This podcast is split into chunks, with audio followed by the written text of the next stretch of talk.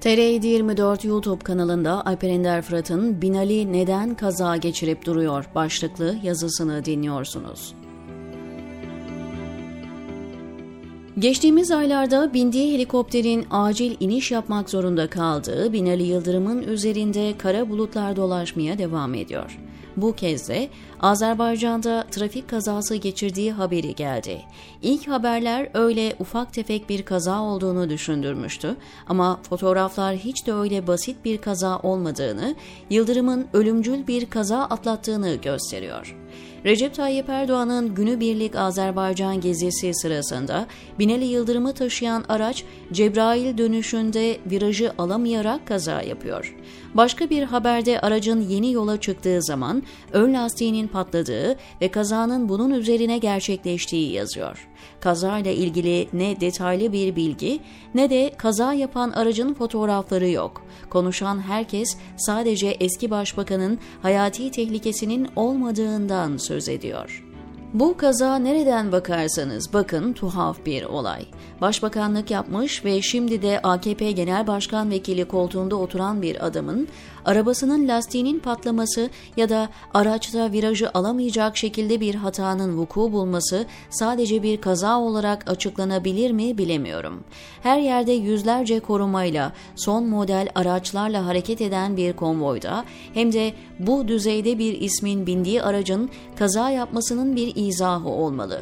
AKP sözcüsü Ömer Çelik olayın çok ciddi bir kaza olduğunu belirtiyor. Bir daha hatırlatmış olayım. Binali Yıldırım'ın bindiği helikopter birkaç ay önce İstanbul'da acil iniş yaparak düşmekten son anda kurtulmuştu. Binali Yıldırım her ne kadar AKP Genel Başkan Vekili koltuğunda oturuyor olsa da 15 Temmuz konusunda rejimin en yumuşak karnı durumunda. Başbakanlık koltuğunda oturmasına rağmen o gece kimseye ulaşamadığı, kendisine bağlı olan kurumların bilgilendirme yapmadığı, sanki yokmuş gibi muamele ettiklerini kendisi de dile getirmişti. Ancak onun iç dünyasında muhtemelen büyük bir yıkıma sebep olan şey bunlardan çok daha farklı. 15 Temmuz gecesi Binali Yıldırım'ın kaleminin de tıpkı Erol Olçok, İlhan Varank gibi kırıldığı ve o gece onlar gibi suikaste kurban edilmesinin planlandığı iddialarının medyaya yansıdığını hatırlayacaksınız ona yapılmak istenen suikastin birileri tarafından son anda önlendiği ve güvenli bir yere naklinin yapıldığı da yazılmıştı.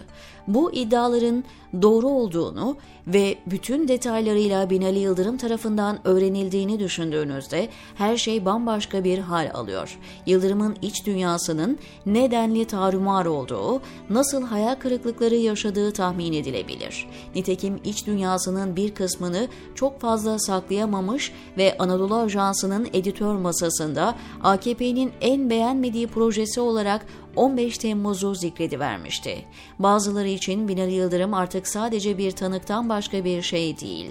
İşler yolunda giderken siyasi baskıyla bütün problemlerin üstü örtülürken sorun yok. Ancak o siyasi baskı biraz hafiflediğinde içindekileri dışa vurması ve bir anda canlı bombaya dönüşmesi an meselesi. Yok, eksik söyledim.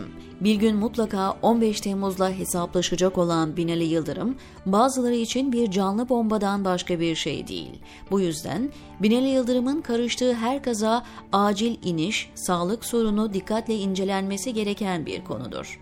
Daha dün Veli Ağababa, Burhan Kuzu'nun koronadan ölmediğini, çok fazla kirli şey bildiği için öldürüldüğünü iddia etti. Bir milletvekili iddia ettiği şeyin ne demek olduğunu herhalde bilecek durumdadır ve çok sağlam delilleri olmadan böyle bir iddiayı ortaya atmaz. Yıldırım'ın kazasını duyunca nedense aklıma Burhan Kuzu geliverdi, diyor Alper Ender Fırat TR724'deki köşesinde.